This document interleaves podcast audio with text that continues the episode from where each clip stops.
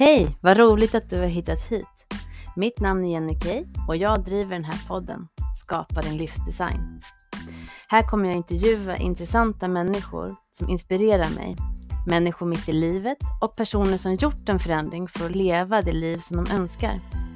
Allt för att du ska kunna känna igen dig och få tips och hjälp och skapa just din egen livsdesign. Vi kommer bland annat att prata om tid, energi och pengar i en härlig blandning. Jag hoppas att du vill följa med på poddresan Skapa din livsdesign med mig, Jenny Kay.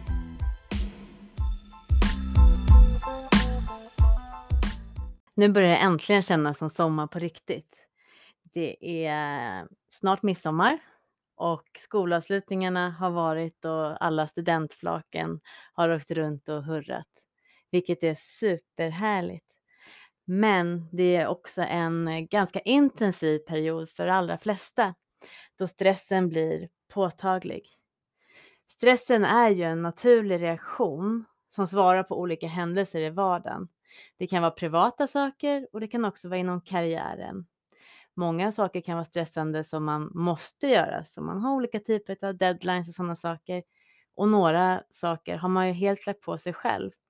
Men även fast man har lovat sig själv så kan det bli en stressad situation om man inte kan lyfta blicken och tänka om.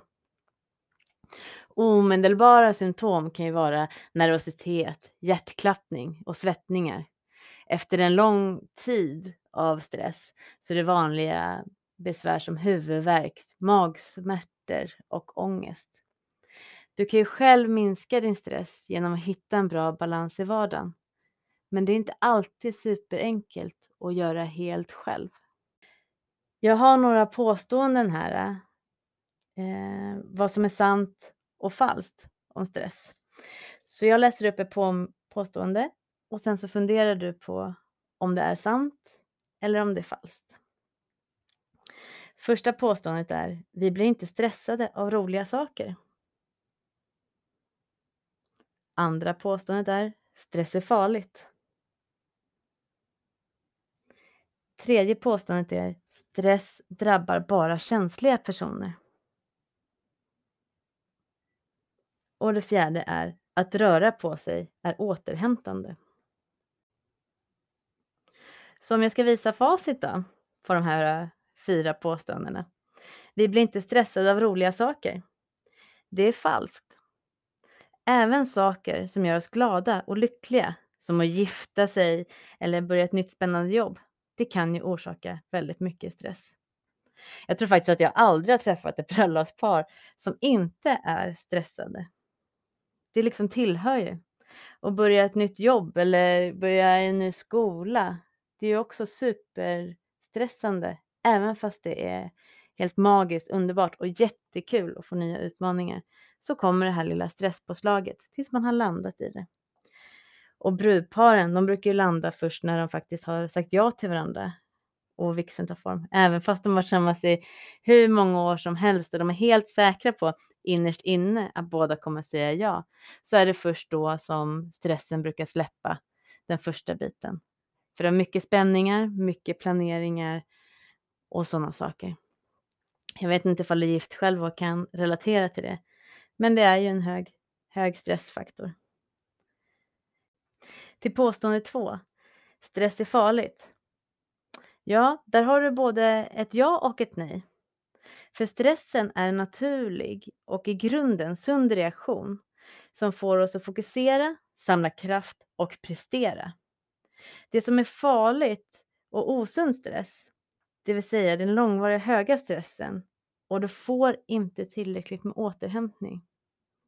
Att du får saker kastade på dig som du inte riktigt kan hantera. Det var inte med i din plan och det är för korta deadlines. Du kanske har missat någonting i din arbetsuppgift som ger dig ytterligare presspåslag. Eller det kanske är otydligt vad du egentligen förväntas göra. Vilket också ger ett otroligt osunt perspektiv på stress. Det tredje påståendet, stress drabbar bara känsliga personer. Det är falskt. Alla upplever stress. Stress är ju som sagt var en naturlig del av livet. Men tänk på att långvarig, hög stress utan tillräckligt med återhämtning, det är skadligt. Så stressen drabbar alla olika typer av människor. Och det är inte att de är speciellt känsliga, utan det är en naturlig del av livet. Påstående 4. Att röra på sig återhämtande. Ja, det är sant. Men återhämtning kan vara så mycket mer. Vad som är återhämtande skiljer sig mellan olika personer och vilken typ av jobb man har. Återhämtning kan vara både aktiv och passiv i form av fysisk aktivitet och socialt umgänge eller i form av bara helt vanlig vila. Sömn är den viktigaste formen av återhämtning. Och även fast man egentligen innerst inne vet om det så är sömn en stor del av det man drar ner på just när man är stressad. Du har inte tid att sova dina timmar som du egentligen skulle behöva. För att kunna hantera stress på bästa sätt så krävs det en bra balans mellan arbete och privatliv, men också i känslolivet. Det kan handla om att skapa utrymme för återhämtning i en stressig vardag eller under speciella livssituationer. Som till exempel ifall att dina barn har det svårt eller du kanske går igenom en skilsmässa eller din chef och du går inte riktigt ihop. Det är otroligt stressigt. Kanske behöver du då vara extra noga med sömnen och lära dig sätta gränser och planera din dag på ett strukturerat sätt. Fundera gärna lite. När känner du stress på arbetet eller privatlivet? Finns det några speciella situationer som triggar igång det? Eller är det någonting som du kan förebygga kanske redan innan? Det finns lite olika sätt hur stressen kan ta form för dig som person. Det kan dels vara fight, att när du blir väldigt stressad så höjer du rösten, du blir lite gäll och kort i tonen. Det finns flight, att du drar dig undan, du går in i dig själv, svarar inte på tilltal och helst utav allt vill du bara stänga dörren. Och så finns det freeze, det är att hjärnan låser sig. Du hittar ingen lösning på uppgiften som egentligen är logisk och du klarar av. Så vilket av de här tre personligheterna blir du? När du vet det, då kan du också hitta lösningar för den problematiken. Till exempel om en ledare hamnar i fight-situationer, då kommer det till slut vara så att dina medarbetare kommer inte våga gå till dig om de ser att du är stressad. Eller om de märker att du får stresspåslag av att andra, någonting har gått fel, att någon har gjort någon typ av misstag och sånt, då kommer de inte heller våga gå till dig. För man vill inte ha det här eh, korta tonen eller att någon höjer rösten. Så i olika situationer så bör man verkligen ta sig en funderare på hur man är. Och du behöver inte vara chef eller ledare. Du kan ju vara kollega, vän eller förälder. Så du måste också tänka på hur du pratar till din omgivning just när du är stressad. Vid stressade situationer eh, gör man också lite tokiga kompensationsbeteenden. Man till exempel tar på sig lite ytterligare saker. Har du mycket på jobbet eller mycket med livspusslet med hämta, lämna och du måste hjälpa till med din mamma som kanske är sjuk. Då är det lätt att man lägger på sig lite extra saker av någon märklig anledning. Då är det lätt att när du sitter på föräldramöte sen så frågar de är det någon som kan ta tag i eh, fikat eller kanske dra ihop en härlig sommaravslutning för barnen? Då ingen räcker upp handen på en gång så är man lite snabb själv och räcker upp handen och tycker att ja, men det där kan man ta på sig. Det är ingen fara, det kan jag göra också, det går ju fort. Men när man tar på sig massa sådana här små saker, så det är ju aldrig någonting som går superfort eller supersnabbt.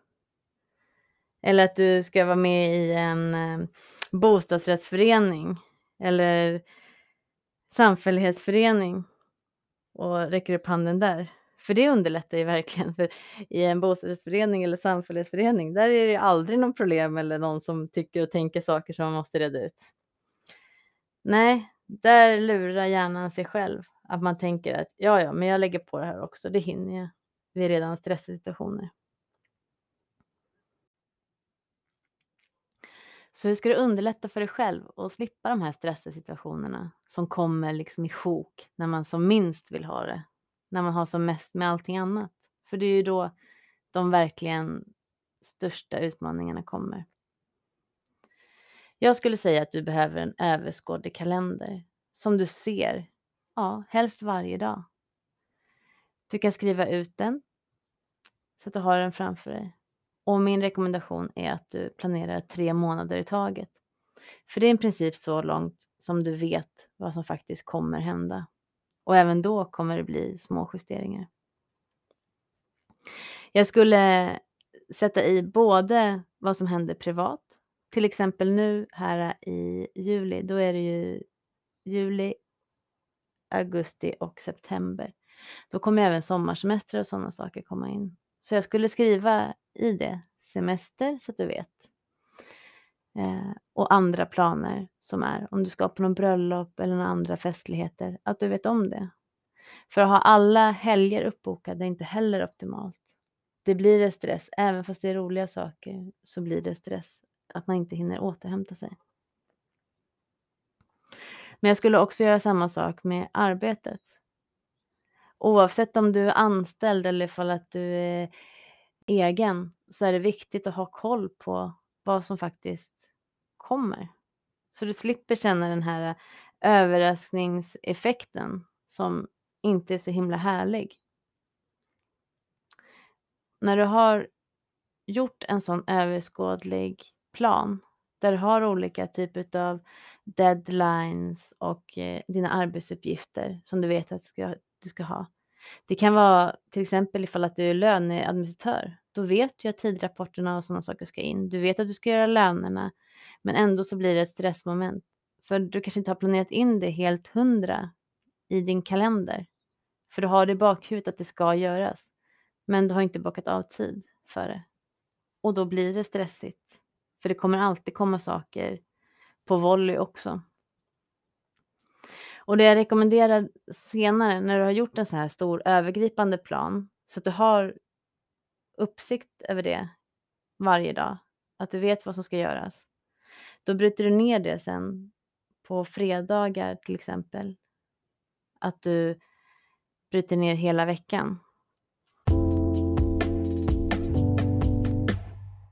Ofta när man blir stressad så gör man många saker samtidigt. Mycket saker på sitt skrivbord och eh, man har svårt att prioritera, vilket gör att det blir väldigt hattigt och det blir inte så produktivt faktiskt. Utan det jag rekommenderar är att man gör en sak i taget. Och jag gillar pomodoro-metoden. Det är en teknik för tidsplanering som har syfte för att öka den personliga effektiviteten och den har funnits sedan 80-talet. Den här äh, metoden utvecklades av Francesco Cirillo och den går ut på att dela upp arbete i olika block med korta pauser emellan. Och tanken är att du ska få saker gjorda utan att du känner dig just överväldigad och stressad. Och då går det till så att man jobbar 25 minuter och sen så tar man en kort rast på 5 minuter. Och efter fyra gånger du har gjort den här, då får du ta en längre paus som kan vara mellan 15 och 30 minuter. På de här fem minuterna är det jätteviktigt att du lyfter rumpan från stolen och går och gör någonting. Det kan vara att du bara går och hämtar vatten. Det kan vara att du har skrivit ut någonting på skrivaren, du går och hämtar det. Du går och eh, tar en kopp kaffe eller bara går utanför dörren och tar en nypa luft. Det du inte ska göra, det är att sitta och scrolla på telefonen. För hjärnan tror då fortfarande att du är i working mode. Det här är att du ska ha en typ av ja, paus, en mikropaus helt enkelt. Och under de här 25 minuterna som du jobbar så ska du jobba fokuserat på uppgiften. Och alla distraktioner ska vara avstängda.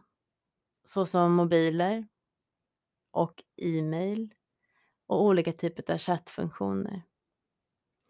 Jobbar du på ett företag där dörrarna alltid är öppna så då skulle jag rekommendera mig att stänga dörren och gärna förklara för dina kollegor hur du arbetar just under de här äh, blocken.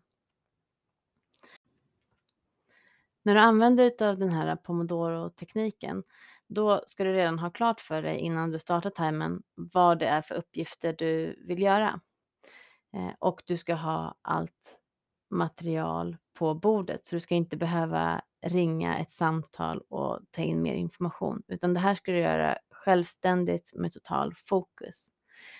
Om du inte blir klar med den uppgiften som du har lagt in på den första 25 minutersblocket så ska du fortfarande ta den här eh, 5 minuters rasten för att sen gå tillbaka och fortsätta skriva din text eller vad det är du är mitt uppe i. Om du blir klar med uppgiften innan, då går du på nästa uppgift som, du har skrivit upp på din to-do-list för den här dagen. Och ifall att du bara har 25 minuter, då kan du sätta timern på 25 minuter och just göra det här att lägga bort alla distraktioner såsom mail, chatt, telefon, sociala medier och alla de sakerna. Utan då jobbar du med fullt fokus på det. Du kommer märka att när du väl gör det här att du kommer få så mycket gjort. Det är så enkelt nämligen ifall att du bara har en friare typ av dag, att du kanske har din to-do-list men sen så får du lägga in blocken lite som du vill. Då är det lätt att även fast du tänker att du ska göra den här rapporten eller den här äh, offerten eller upphandlingen eller vad du nu gör för någonting. Då är det lätt att du blir distra distraherad av andra saker och så skjuter det emellan, vilket gör att du allting annat pockar på din uppmärksamhet och det blir inte lika effektivt. Så testa gärna det här så får du se att du kommer bli så mycket mer effektiv. Det är även så att du tydliggör ju för dig själv vad du ska göra. Så man säger att pomodoro-tekniken, den är ju för dig som vill minska känslan av stress, du vill öka din effektivitet och säkerställa hållbart arbetstempo. Som även har inslag utav återhämtning. Som jag som är en egenföretagare, för mig så märker ju inte jag när det är dags att ta raster. Utan sitter jag väldigt fokuserat och inte har den här äh, tekniken på, pomodoro-metoden på, då är det lätt att jag jobbar från ja, när jag startar dagen till att jag blir väldigt, väldigt hungrig. Då märker jag att det är dags att jag ska gå och äta någonting. Men då kan det ju ha gått fyra timmar och jag har inte tagit en enda rast. Sitter man i coworking space eller att du har kollegor runt omkring dig, då märker du ju att personer börjar resa på sig eller de går också och hämtar kaffe eller någon går till skrivan. Och då får du ju en påminnelse om att ta rast. Så det här kan ju också vara en väldigt bra metod för det. Och att du inte hamnar i det här äh, prokrastineringen som är lätt att göra. Att man tänker att man gör väldigt mycket saker eh, men man skjuter kanske fram det viktigaste till senare, tills det verkligen, verkligen behövs ta. Så i takt med att du hittar ett bättre flow och verkligen kan fokusera under de här 25 minuterna så kommer distraktionen att minska. Men såklart så försvinner de ju inte helt. Istället handlar det om att du gör saker klokt istället. Och lär dig se och känna av när du tappar just fokus och blir distraherad. Vad är det som gör att du, du tappar fokuset? Och sen så får du lära dig att släppa det som distraherar dig, utan du går tillbaka till det som du höll på med. Och är det något viktigt som dyker upp, något eh, superviktigt som du inte kan släppa, ja men skriv ner det på en lapp och återgå till det du höll på med. Om man ska göra som pomodoro-metoden är tänkt från början, då ska verkligen en uppgift ta 25 minuter. Och är man klar tidigare än 25 minuter, då ska man fortfarande hålla kvar vid den uppgiften och gå igenom och reflektera och se ifall att det är någonting man kan göra bättre eller sådana saker. Jag brukar göra det för jag har en längre tid kvar, brukar jag gå till en ny uppgift. Till exempel om jag tänkte att den här uppgiften ja, tar nog kanske 25 minuter, så tar den bara en kvart, så jag har 10 minuter kvar. Då börjar jag med en ny uppgift av de som jag har på min att göra-lista. Och sen så när de 10 minuterna har gått så tar jag 5 minuters rast. Så att jag fortfarande håller mig till mina 25 minuter arbete och 5 minuter rast. 25 minuter arbete och 5 minuter rast. Det här är ju också samma sak ifall att du har en större uppgift som du vet att den här kommer ta, ja, jag vet inte, två timmar säger vi. Då bryter du upp den stora uppgiften i mindre delar så att varje uppgift kommer vara ungefär i 25 minuter. Detta är för att allting ska bli så tydligt som möjligt och att du inte ska behöva tappa fokus eller sitta och fundera på ah, vad är det jag ska göra nu. För just det här med att man inte riktigt har förbestämt vad man ska göra nu utan man tar det lite på volley. Det tar otroligt mycket tankekraft. Så har du din att göra-lista med saker du ska göra. Du känner att den här uppgiften kommer ta två timmar. Bryt ner den då i fyra olika delar. Så för att jag ska göra det här supertydligt för dig så tänker jag att jag repeterar de här fyra olika stegen så att du enkelt kan komma igång. Nummer ett, det är att skriv en att göra-lista så du vet vilka uppgifter du ska fokusera på.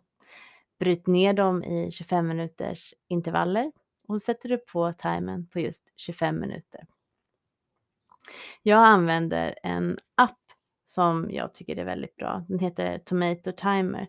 Men det finns jättemånga eh, sådana typer av appar. Så att det är bara att googla på Pomodoro-metoden så kommer du få upp det. När 25 minuter har gått, då tar du en kort paus på 5 minuter. Och under den här pausen så ska du inte göra någonting arbetsrelaterat.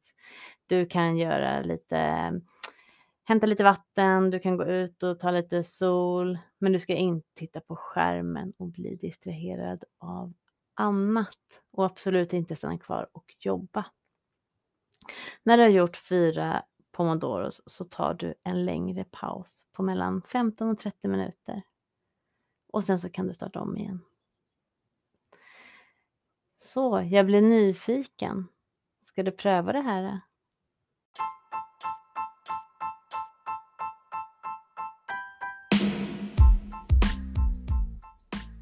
Jag tackar ödmjukast för din tid och jag är så glad att du har hängt med mig här under det här avsnittet. Vill du veta mera om Pomodoro-metoden så lägger jag lite mer beskrivning i avsnittsbeskrivning. Där kommer jag även lägga min kontaktinformation om du vill ha hjälp ytterligare av mig så hittar du mig där. Och jag vill önska dig en fortsatt trevlig dag och en härlig kommande vecka. Ha det så gott. Hej!